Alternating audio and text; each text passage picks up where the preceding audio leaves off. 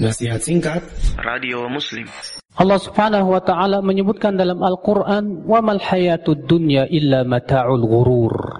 Tidaklah kehidupan dunia kecuali kesenangan yang menipu. Rasulullah sallallahu alaihi wasallam pun juga memisalkan dunia seperti apa? Bangkai anak kambing yang cacat yang tidak ada harganya sama sekali di hadapan kita semuanya. Saudaraku, Lalu apa fitnah dunia yang sangat berat apabila dunia itu masuk ke dalam hati kita? Ketika cinta dunia telah memenuhi ruang-ruang hati kita, mengakibatkan cinta akhirat pun akan semakin sirna dan berkurang. Karena cinta dunia dan cinta akhirat itu tidak akan bertemu, saudaraku. Orang yang cinta dunia, ketika cinta dunianya telah 60 persen maka cinta akhirat tinggal 40%. Ketika cinta dunia itu semakin kuat di hati seorang hamba, 80% cinta akhirat tinggal 20%.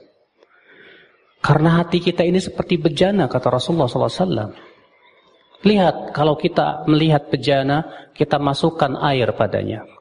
Kemudian kita masukkan padanya tanah, maka air akan keluar. Demikian pula hati kita, saudaraku. Oleh karena itulah ya akhul Islam azani Allah wa iyakum.